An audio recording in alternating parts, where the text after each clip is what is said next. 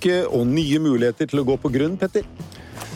Jeg syns liksom at eh, det er jo helt utrolig. Eh, Først så er det en fregatt som eh, kjører på grunn, og så er det et gigantisk cruiseskip som går over Hustavika.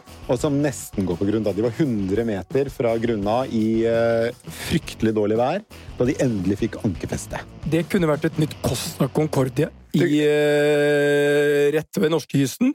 Med eh, altså en båt full av tungolje, miljøkatastrofer, masse liv som ville gå tapt. Dette var så nær en komplett katastrofe som vi har sett utenfor norskekysten på veldig veldig lenge. Ja, takk og lov at det gikk bra. Eh, Det var jo eh, egentlig, i hvert fall eh, de som har greie på disse tingene, stusser over at skipet i det hele tatt satt ut eh, med det været som var over Stad. Alle andre båter omtrent, de holdt seg til kais.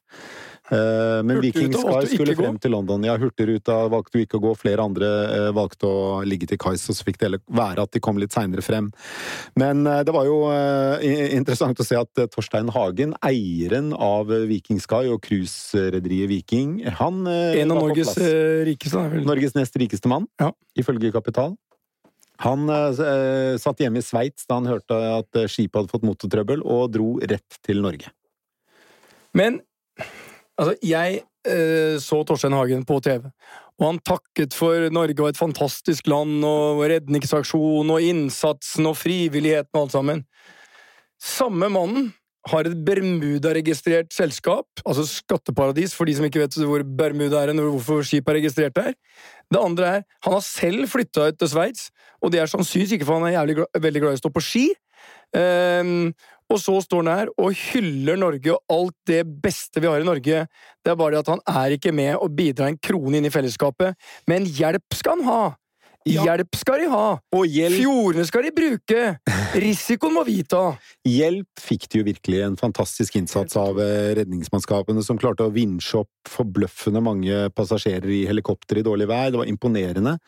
Eh, Men regningen er det mm, vi som bor og jobber i Norge og skatter i Norge, som, eh, som må ta. Vi kan dessverre ikke sende til Bermuda eller Sveits. Ok. Ja. Denne uken så har vi to fantastiske gjester i studio, Petter. Vi har jo eh, Stormkast-stallmedlem eh, Javad Mushtak. Velkommen, Javad. Takk. Du, Fortsatt under 30 og singel. fortsatt under 30 og singel, ja?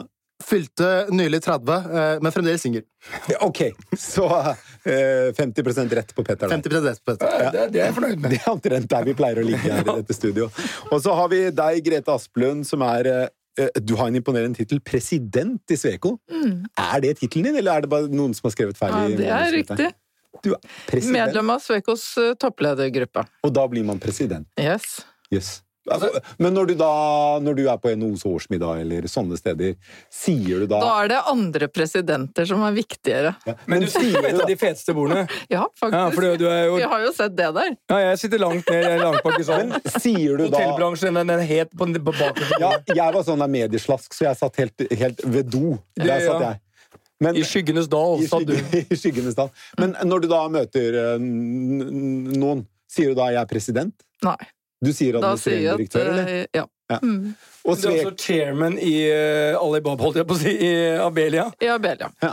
Alibaba hadde for så vidt vært enda mer imponerende. Så du kjenner jo da et annet eh, stallmedlem av Stormkast, Håkon Haugli. Han kjenner jeg veldig godt. Ja, det, Dyktig kar. Definitivt. Mm. Vi prøvde jo å få ham som ny eh, NHO-president, eller direktør, eller hva den heter. Eh, Vi lobbet sterkt for ham her i dette studioet, i hvert fall. Hjalp det? Traff ikke planken. Nei. Men vi har om noen uker den nye NHO-sjefen i studio, så da kan vi spørre ham hvorfor han eh, utklasset Håkon Haugli, kanskje. Tror det kan bli en kort samtale. Ok, vi kjører på.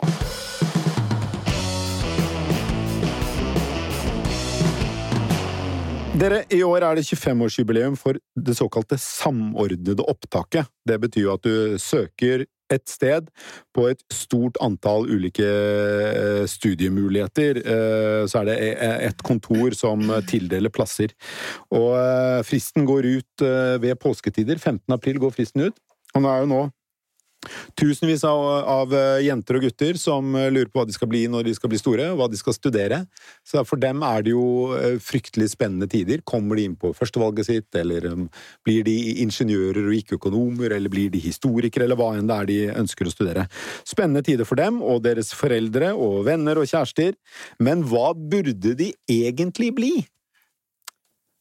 Hva tror du, Grete? Er de Hvis du skal eh, ha en lang og lykkelig karriere i AS Norge som eh, 20-åring, hva er det du bør studere? Ja, For meg så er det helt klart to innganger til det spørsmålet. Eh, Det første er jo selvfølgelig hva vi trenger i Norge. Og vi har bruk for teknologer, vi har bruk for IKT-utdanna folk, vi har bruk for sivilingeniører og ingeniører. Fordi vi skal utvikle næringslivet vårt, og helst det innovative og kunnskapsdrevne næringslivet. Eh, Så hvis de skulle gi et råd ut ifra den vinklinga, så ville jeg helt klart sagt at eh, prøv noe knyttet til teknologi. Og min, på min arbeidsplass så ansetter jo vi over 300 teknologer hvert år. 300? Eh, yes, så behovet er kjempestort. Og vi opplever jo veldig det war on talent, som vi har hørt så mye om, ikke sant, og som er litt sånn konsulentprat. Men det er jo et faktum at det er et enormt behov for den type kompetanse, og eh, at bedriftene strekker seg veldig langt for å være attraktive. Så vil jeg bare si at den andre inngangen min den er jo også knytta til det at du skal leve et godt og langt liv. Og du skal jobbe kanskje 50 år. Og da er du jo nødt til å gjøre noe som du kjenner i magen at du får energi og motivasjon av, og eh, at du kan bygge et liv rundt eh, det, da. Ja. Så jeg syns det også er veldig viktig. Og det er ikke alltid de to perspektivene treffer hverandre. Og hvis du da må velge mellom de to Jeg er jo sjøl et eksempel på det siste. Jeg er jo utdanna sosialantropolog, og, og, er nå leder for eh, 1600 ingeniører. Jeg opplever at eh, det fungerer ganske godt. Sånn at det der med at en utdanning definerer det for resten av livet, eller resten av yrkeslivet, det er jeg kanskje ikke så eh, overbevist om. I tillegg så tror jeg at det er slik at vi må tenke mye mer enn det vi har gjort hittil. At vi skal lære noe nytt hele livet. Ja, Livslang læring. Og personlig så har jeg jo selvfølgelig vært nødt til å tenke Ja. sånn, i med, med det utgangspunktet. men når en en ingeniør setter seg ned på ditt kontor og Du, Grete, nå holder jeg på med å bygge en sånn derre Eller jeg vurderer en sånn 100 meter høy vindmølle som skal stå ute på Stad. Du husker der hvor Viking Ja. Holdt på å gå på grunn, og det blåser jo veldig der. Og Ja. Se på det fundamentet for denne vindmøllen her. Hva sier du da? Nei, da sier jeg at hvem er det som er best på det der? Fordi den personen er den rette til å gi det råd. Og det er i hvert fall ikke deg. Det er ikke med. Men så vil jeg si at det som jeg kanskje lurer litt på da, det er hva slags interessenter er det til den byggingen av den vindmøllen? Hva slags motkrefter og medkrefter er det vi har? Fordi det er et ganske omdiskutert tema i Norge, hvorvidt vi skal ta i bruk nye energikilder fordi det for eksempel ikke bidrar til forskjønning av naturen. Ok, nå er, nå er vi jo langt ute på vidden i forhold til Ja, eh, temaet, men eh, det er jo interessant. Uh, Jawad, uh, samme spørsmål til deg, da. Du skal ha en god karriere i Norge i eh, 50 år, kanskje 40-50 år. Hva bør du studere? Så det er vanskelig å svare på det spørsmålet. Jeg skulle egentlig bli jurist, eh, og byttet valget to uker før fristen. Eh, Så ble du økonom og ble ble kåret til årets beste student i stedet. Jo, eh, det var ikke helt Fikk vi sagt det òg? Det var sånn halvveis tilfeldig valg, da. Men jeg tror man må tenke litt nytt på det, det som er altså hele aspektet rundt karriere. da. Vi kommer ikke til å ha én karriere resten av livet. Vi kommer til å ha kanskje fem ulike karrierer. Og når man er 18 år gammel og skal velge på en måte liksom, definere det som er eh, veien frem da, eh, for, for det valget man tar, eh, så er det ikke alt man vet man ønsker. mm. og, og det er helt greit. Mm. jeg tror vi må ha større aksept for å prøve å feile litt og lære. Så man kan velge en retning, og så kan man ta og velge en annet fordi man ikke, ikke føler det passer helt. Da. Så eh, når jeg snakker til unge i dag, så sier jeg at det er tre ting man normalt bør se på. Eh, det første er hva er du egentlig er interessert i, eh, rent faglig sett, og hva er du faglig god på. Så er det på en måte faglig i orden. Det andre er hva er hobbyen og interessen dine Hva er det du egentlig brenner for utenom eh, studietiden? Og det tredje er litt som ble nevnt tidligere, er at hva, hva er etterspørselen? Og det er ikke alltid noe vi har svaret på. Så om man velger å bli økonom og, og finner ut at det var ikke helt det riktige valget, så er det helt greit å bytte. For man kommer til å ha mange karrierer gjennom hele livet. Eh, men det man velger, det må man satse 100% på og bli best innenfor. Men bare én ting. Mm. Nå går vi rett i den klassiske utdannelsesfellen. Fordi vi helt. Og jeg er sånn Utdannelse er fantastisk bra. Jeg har selv en nesten-bachelor. Eh, på fagskolen kalt brekkebachelor. Altså Den er ikke fullt bachelor, men jeg er på vei mot det. Mangler bare bitte lite grann. uh, men uh, jeg hadde en interiørarkitekt som het Anne Mone. Anne Mone Villevåg, En av Norges beste. Hun begynte å studere juss. Problemet var det hun satt på jussen, og andre så i Norges lover, så hun i interiørblader. Mm. Hun hadde sånn Ja, jeg må jo ha høyere utdanning. Nei. Hvis du genuint drømmer om å bli interiørarkitekt, bli det. Og det er sånn det største feilen at mange de fokuserer for mye på høyere utdanning, når det egentlig burde valgt kanskje jeg skal ta fagbrev, Mm. kanskje jeg vil bli frisør, jeg blir kunstner, jeg blir rørlegger, jeg begynner å jobbe i hotell. Det er, som, det er et hav av valg her for de som kanskje ikke enten har lyst til høyere utdanning eller passer for høyere utdanning. Sånn. Og vi må ikke liksom... Men er liksom poenget ditt at eh, en del av de som søker nå, eh, burde kanskje må- la være å søke? Eller? Eh, eh, Det er sånn Ofte så blir valgene dine, er jeg redd, Mm. et resultat ikke av dine valg, av mora og fara dins valg, av læreren dins valg. Men du må følge drømmen din, du må følge det du har lyst til. Selv om faren din er advokat, så betyr det ikke at du er automatisk skal bli advokat, eller faren din er lege, eller som deg, Per. Faren din var en legendarisk redaktør, og du ble det også. Kanskje ikke legendarisk, men du er på vei til å bli god. Altså. Og så slutta du. Ok, drit i det. Det var et dårlig eksempel. Jeg- jeg Men i poenget første året. Ja. Men Petter, vi snakka litt i sted om, om det med NHO. Ja. Og når jeg er i den settinga, uansett hva slags landsforening du kommer fra, da, om du representerer service og handel eller transport, eller eh, Abelia, som jeg kommer fra, så er det etterspørsel etter kompetanse. Og det syns jeg er en litt sånn fin inngang på det, ikke sant? At det, det er ikke så farlig for meg om det er en eh, mastergrad, eller om det er et fagbrev. Men det at du bør tenke på at du har en formalkompetanse, det tror jeg er viktig i dag. Men jeg, jeg tror det Petter sier er egentlig er veldig riktig. Jeg tror spørsmål til eh, Per her var mer hva skal vi velge hvis vi tar høyere utdannelse? Det er jo premisset. Eh, eh, premisset. Men, men det trenger ikke nødvendigvis være det som er premisset. For det er veldig mange unge i dag, Vi har veldig høy frafallsrate i norsk videregående skole i dag. Det har vært et sted mellom 25 og 30% som ikke fullfører på normert tid. Det er et problem. Veldig mange unge gutter som faller ut fra skolen. Hvorfor skjer det? Jo, det er primært fordi skolesystemet fungerer ikke for alle sammen. Høyere akademisk utdannelse fungerer for noen, eh, det fungerte fint for meg, men det er ikke nødvendigvis et mål for alle. Så det vi må tenke litt på, er eh, hva er det som fungerer. Um, og, og vi kan diskutere på en måte om vi må redefinere utdanningssystemet og utdanningsinstitusjon. Det er en lang diskusjon og kanskje en annen diskusjon. Men litt som Petter sier, at eh, vi må støtte opp om de unge, om at de tar de valgene de virkelig brenner for. Om det er høyere utdannelse eller ikke høyere utdannelse, så er det ett fett, så lenge de går inn for det og satser 100% og blir dritgode på det. Og når jeg snakker med unge og sier at hvis du har lyst til å bli kjøpmann, hopp ut av videregående, bli den beste kjøpmannen som finnes i Norge. Okay, Eller verden. så jeg- eh, ok, nå kommer jeg til deg, Javad, Ja. og jeg er eh, 19 år, og jeg er ekstremt opptatt av støymusikk. Eh, og jeg har så lyst til å studere støymusikk. Fire års bachelor i støymusikk. Hva er støymusikk for meg som ikke er Altså, jeg har bare hørt så vidt på det selv. Det er akkurat det du tror. Det er støy, det er klanger og masse bråk, og det er helt fælt å høre på. Men det er nå det jeg er 19 år, og jeg brenner for det, så jeg har lyst til å studere det i fire år. Vil du si ja, ja, det brenner du for, kjør på? Vil du si det? Nei, altså, når, når vi snakker med unge, da Jeg jobber med et prosjekt som heter Min mentor, ja. hvor vi snakker med unge som holder på å falle ut. Eh, og det det handler det om er, det er tilnærmelsesvis å falle ut og ville studere fire års støymusikk. det er, ikke, det er ikke langt unna, men, men det, det, det handler om er liksom, hvis interessen din er støymusikk, Ja. så er spørsmålet litt hvordan kan vi finne et område for deg som er relevant, som gjør at du også er yrkbar eller employable i fremtiden. Om det betyr at du tar fire år i bachelorgrad, så kan det være riktig, men hvis det betyr at det ikke har noen ekstraverdi, så er det kanskje irrelevant. Men, men det som er jobben vår da, når vi jobber med mentoring, er å vise til unge at det finnes flere muligheter hvor du kan kombinere støymusikkinteressen din og kanskje ta et annet yrke hvor du faktisk har jobb, mulighet til å få en jobb. da. Ja. For du må jo Eh, utdanne deg til noe. Du skal jo leve av noe. Ja. Altså, eh, støymusikk. Gå på stø- støymusikk i fire år, har 600 000 i studielån, og kommer inn og, og ut, og ingen har bruk for deg. Du elsker fortsatt støymusikk. Ja. Det var bare det. Det var ingen som ville kjøpe den pakka. Så, så spørsmålet er jo hva vil du leve av? ja, fordi, vi er litt inne på det òg. Ikke sant? Ja. Å plassere ansvaret et sted. Mm. Fordi det er klart det finnes ungdom i dag i Norge som vokser opp eh, kanskje hvor det ikke er så veldig Mm. tydelig for dem at de faktisk må ta ansvaret for sin egen Ja. for sitt eget liv.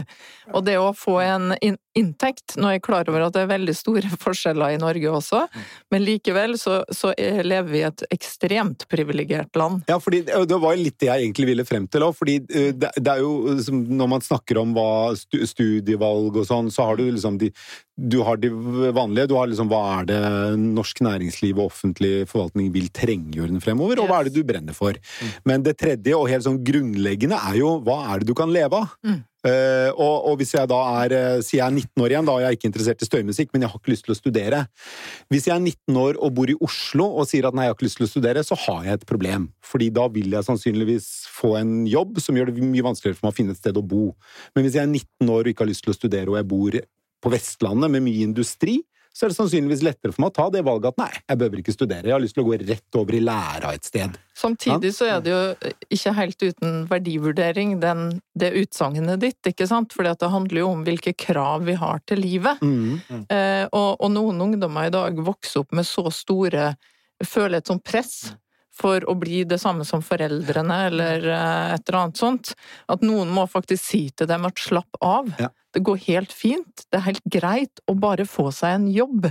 Mm. Uten at de da også skal bære den bagasjen som er at eh, da kommer de aldri til å få kjøpe meg en leilighet i Oslo. Ja. Så det har noe med liksom krava vi setter på også, eller forventningene til hva slags liv vi skal leve. Og så er det vel mange foreldre som tenderer til å realisere sine manglende drømmer Ja. selv gjennom Ja. sine barn. Ja. Mm. Altså, la oss være ærlige. Det er jo ikke alle de som du møter i skibakken, Per, som står på ski der fordi de er så ekstremt glad i å stå eller gå på ski. Men foreldrene er veldig opptatt av det. Ja. Mm. Eh, og jeg tror det er også er sånn derre Du skal oppfordre barn som blir ungdom, Mm. uh, til å gjøre de ting de virkelig har lyst til. Jeg er i en bransje hvor vi mangler kokker. Ja. Altså, vi mangler kokker. Mm. Og det er et fantastisk spennende yrke. Mm. Men som deg og som Anne Mone, sjefen i Nordic Choice, han begynte som kokk. Han utdannet seg som kokk Mm. og begynte som kokk. Så gikk han videre, derfor derfor det er med livslang læring som vi er innom. Mm. Så utdannet han seg litt til, og så ble han plutselig inne på liksom jobbe med personal, så ble han direktør, og nå er han konsernsjef i Nordic Choice for 16 000-17 000 mennesker. Hvordan gikk du fra å være sosialantropolog til uh, leder av Sveko og, og, og eh, sysselsette 1300 ingeniører? Ja, det korte svaret på det er at grunnen til at jeg har denne utdanninga, det var at de er utrolig glad i folk. Ja. Så det måtte være noe med folk. Men da kan du jobbe med allting, vet du. Det er det. Det er, Glad det i er folk, faktisk det som helt skjer. øverst på lista. Og så fikk jeg meg en jobb eh, selvfølgelig med en gang i offentlig sektor, men eh, veldig raskt kom jeg inn på prosjekt og prosjektstyring, prosjektledelse og så. Og det var veien min inn i konsulentbransjen. Okay. Og, og det er et veldig godt utgangspunkt, ikke sant, å kunne noe om norsk offentlig sektor når du skal være rådgiver. Eh, Så det var egentlig starten for meg. Ja. Og ja. Så det var arbeidserfaringen Mhm. og din evne til å tørre å ta utfordringer Mm. og søke nye ting som gjør at du er der du er i dag. ja, det vil jeg absolutt si. For utdannelsen din passer jo ikke etter der du Nei, nei, nei. Det var jo en glødende interesse Men- for stammer på Borneo eller et eller annet sånt som gjorde at du, du står her nå. Men, men jeg vil si at eh, det som jeg syns er så uh, viktig Nå mista jeg det, Petter. Hva var det du sa? Jeg, jeg, jeg, jeg har mista det, jeg også. Stammen.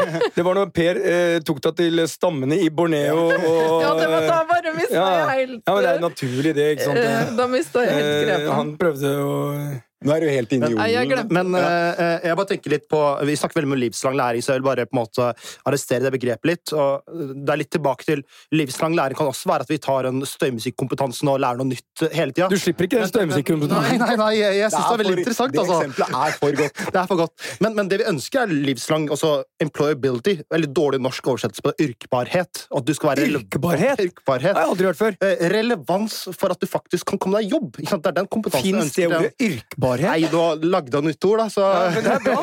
Vi trenger jeg noen nye ord. før her. Ja. Sitater og nye ord. Ja, ja. Så, så, så det, det å være som relevant eh, for, for næringslivet eller for organisasjonslivet er viktig. Og så tenker jeg tilbake at vi må redefinere hva som er viktig for næringslivet når vi ansetter. Fordi vi har veldig sånn klare, standardiserte krav. Du trenger tre år bachelor, du trenger fem år bachelor, enten er ingeniør og kommer i Sveko, eller du kommer ja, finansbakgrunn og går i DNB. ikke sant? Men hva er det vi egentlig trenger? Vi trenger problemløsere. Vi trenger mennesker som kan løse oppgaver. Betyr det at vi trenger tre eller fem års utdannelse? Det var et, eh, var et sitat i, i Davos hvor de sa at eh, hver, eh, hvert eh, tredje år eh, så utdateres 40 av kompetansen din, ellers var det hvert fjerde år så utdateres 30 av kompetansen din. Mm. Betyr det at fem år i utdannelse noe i det hele tatt? Da må næringslivet begynne å tenke litt nytt. Trenger vi egentlig den kompetansen. Eh, og de som tar høyere utdannelse, de som tar livslang, livslang yrkesbarhet, eh, de må kunne ta alternative veier og likevel kunne ende opp i noe som er relevant, eh, for de kan løse problemer eller gjøre oppgaver. da. Og for å bygge på det, så må det jo også i lengte at vi skal begynne å snakke mer om oss som individets ansvar. Mm. Mm. For å være relevant, ikke sant? Fordi at noen av de eksemplene som du kommer med, Petter, det er jo folk som sjøl er villige til å gå en lang vei, ikke sant? For å være relevant. For å få jobbe i Choice, for eksempel, da. Men du, da, det, dette er jo en helt naturlig og nydelig overgang til neste tema, fordi vi eh, innenfor rimelighetens grenser, da, og på god side av eh, støymusikk-bacheloren vi snakker om, så er det jo ikke bare kvalifikasjonene dine og behovene i arbeidslivet som avgjør om du kan få en lang og lykkelig karriere, men din personlighet. Hvem du er. Så vi kjører på med neste tema.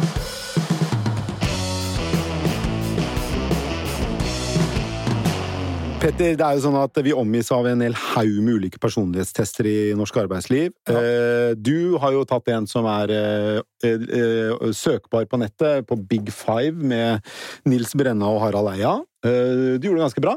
Eller du gjorde det Nei, det er ikke bra eller dårlig, det er feil sagt. Men du, du var en Du hadde en del ekstremiteter, mener jeg å huske. Ja. Stemmer det? Ja. Fortell. Jeg har ikke noe angst, har ingen bekymringer, Nei. har ikke noe stress. Uh, jeg har heller ikke sånn ekstremt sånn uh, høyt sånn energigreier, behov for å synes. Nå blir det litt sånn, men jeg har ikke det. Jeg, men det er interessant. Hvorfor? Fordi du, når du møter deg, så fremstår du som en person som er veldig energisk og synes godt. Du er, blir fort midtpunkt i en samtale. Er det, er det en rolle du har lært deg, eller hva? I hvert fall sånn at eh, det bildet som skapes av en sånn midt mellom Kaptein Sabeltann og en teletubby eh, som hopper ned fra bygninger med litt tynt strikk, så er det jo en gr grunn til at jeg gjør det, eller grunn til at uh, jeg er for den ansatte. Det handler om at uh, jeg vil bare markere de tingene vi gjør. En, hvis jeg kommer inn og møter 50 ansatte eller 3000 ansatte, så vil jeg trøkke til å gi dem masse energi og begeistring fordi det er viktig. Jeg også, og jeg vil ikke prate om jeg vil, jeg vil prøve å motivere de og fortelle hvor stolt jeg er av selskapet, den fantastiske jobben de gjør. Og litt det der der har blitt min måte å gjøre på, jeg, og det henger sammen med kultur og alle de tingene.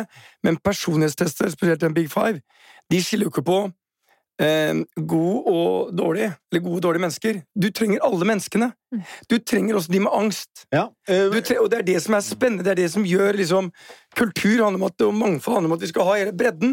Men litt av grunnen til at jeg spurte om det, det er jo fordi det er jo, i sånne personlighetstester så blir man jo fort definert som at man er introvert eller ekstrovert, eller man er det ene eller det andre, men, men eh, vi er jo som mennesker eh, stort sett en god del mer mangefasetterte enn som så. I Sveko gjennomfører dere personlighetstester når dere rekrutterer? Det hender. Eh, ikke som standard. Nei. Vi gjør det av og til, særlig på, på lederrekrutteringa. Og hva er det dere ser etter da, i en, uh, i en, personlighetstest? Mest av alt så bruker vi det som et samtaleverktøy. Ja. Uh, og det er jo fordi at det gir det på en måte en ramme til å gå litt dypere. Og du kan kanskje ta tak i noen ting som eh, kandidaten ellers sjøl ikke ville introdusert som tema, eller sagt om seg sjøl, ikke sant? Så, så innafor denne rammen så syns jeg det kan eh, være et bra verktøy. Er det også for å luke ut de største ekstremitetene? Altså sånn at uh, hvis det dukker opp en med sånn åpenbar personlighetsforstyrrelse, så er det liksom ok rett ut, selv om han eller hun gjorde et godt inntrykk i, i førstegangsintervjuet? Er veldig usikker på om man vil kunne se sånne ting på en sånn test, ja. for å være helt Hvorfor ærlig. Det? Altså personlighetsforstyrrelse, det er ganske sånn sterkt ja, uh, uh, merkelapp å bruke det på ja. folk. Um, ja, men noen har det jo.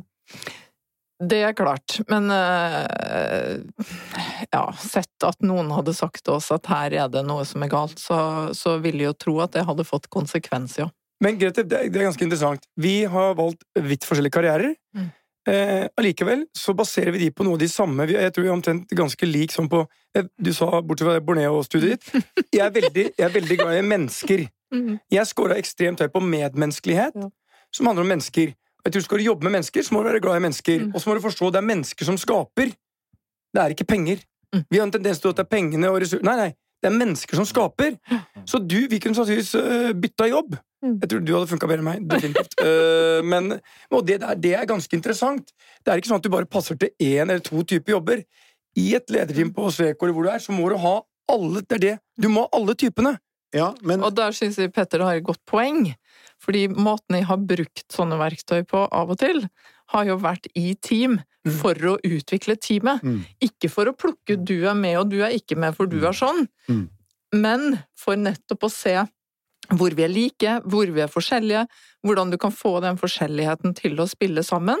Og jeg har også vært med i team hvor vi har oppdaga at vi er for like. Vi hadde altfor mange sånne teoretikere.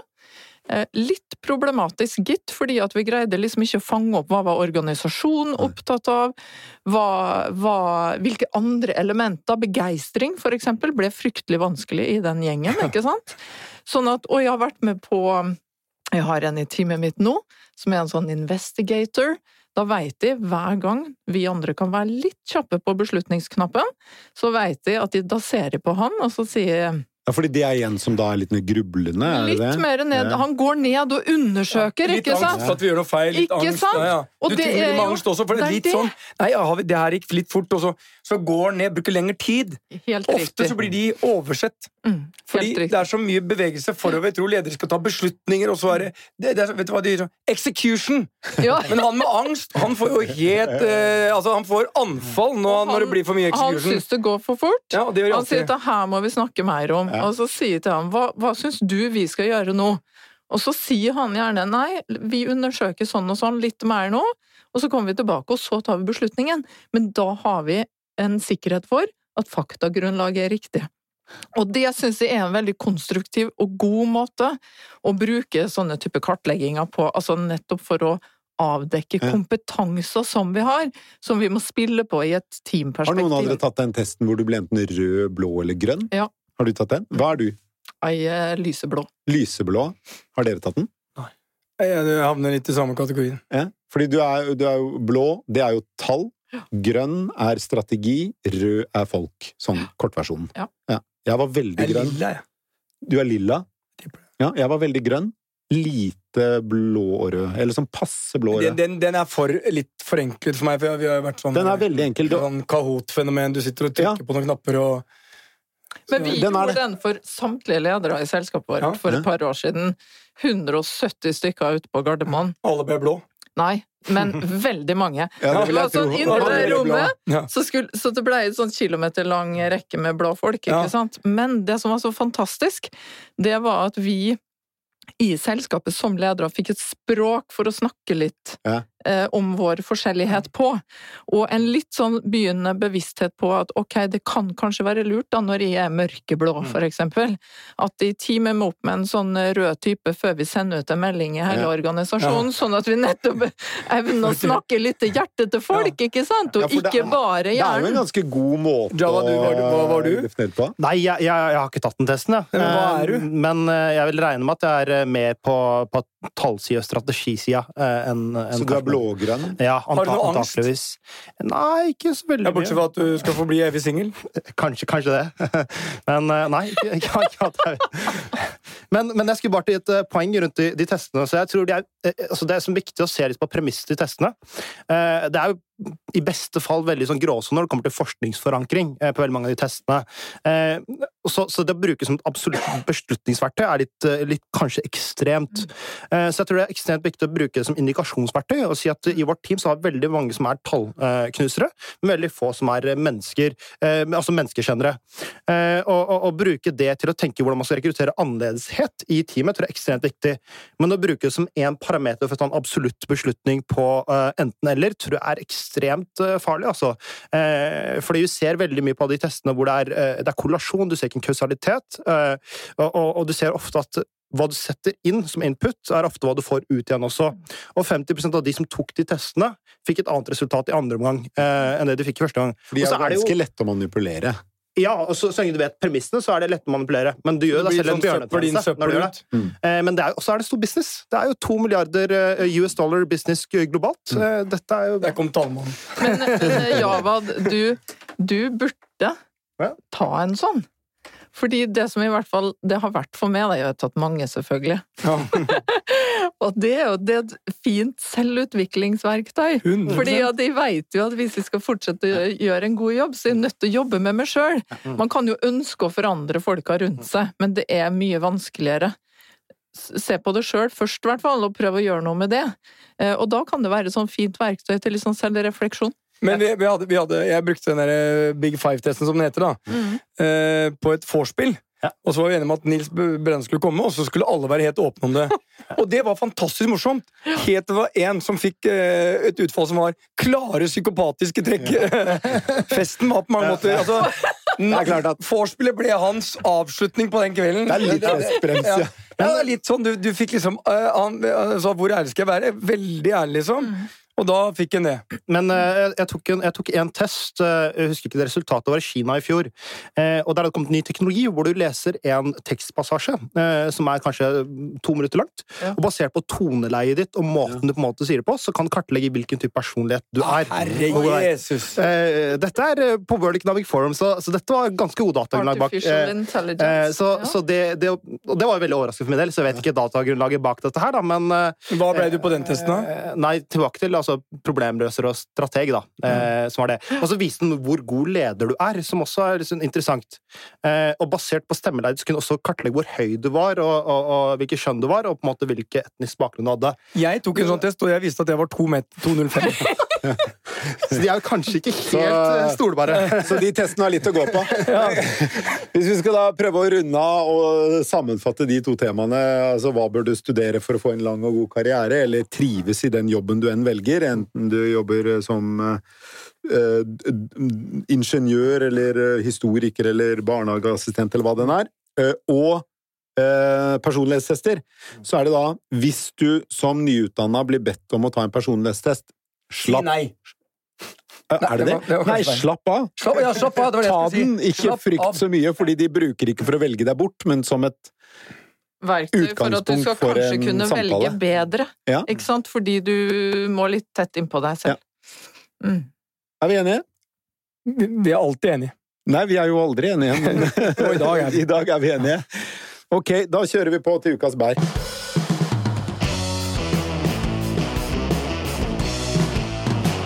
Vi snakket jo om det innledningsvis, Petter. Eh, Viking Sky som var 100 meter fra å eh, gå eh, på grunn. Eh, og eh, en imponerende redningsinnsats fra mange, mange mennesker gjorde, bidro sterkt til i hvert fall at det gikk mye bedre enn det kunne ha gått. Og vi sender denne ukas bær til Hovedredningssentralen i Sør-Norge. Og mottakeren er da eh, Hans Vik, som er sjef for eh, Hovedredningssentralen. Som en representant for en fantastisk gjeng menn og kvinner som har stått Fellesskapet, de hardtarbeidende folka i redningstjenesten, alle de som gjør jobben, det som er Norge. Yes. Eh, Så vi sender en rød lue, og så sender vi en liten rød lue til uh, han i Sveits, så han kan bruke når han står på ski der sånn, uh, for å spare litt skatt. At uh, alt det som hjalp deg å unngå katastrofen, det er det som har gjort Norge til hva det er, og du burde aldri flytta ut. For vi er avhengig av at alle skal bidra, for at alle skal få. Du kan ikke bare høste hagen. I hagen. Og med den vekkelsesprekenen på tampen av eh, podden, så sier vi tusen takk til Grete Aspelund i Sveko og Javad Mushtak i MAK. Og så er du nå Du er jo noe sånn derre startup eh, Det er, jeg har mange hatter og veldig mye fritid, så, Ja. så, så jeg jobber, jobber med, med innovasjonsøkosystemer i, i Katapult. Ja, ok, det var det det var. ja. Det er jo ikke rart jeg ikke klarte å huske det. Nei. Og så må vi si tusen takk igjen til Truls Johansen for å ha produsert denne sendingen. Takk for nå. Takk for nå.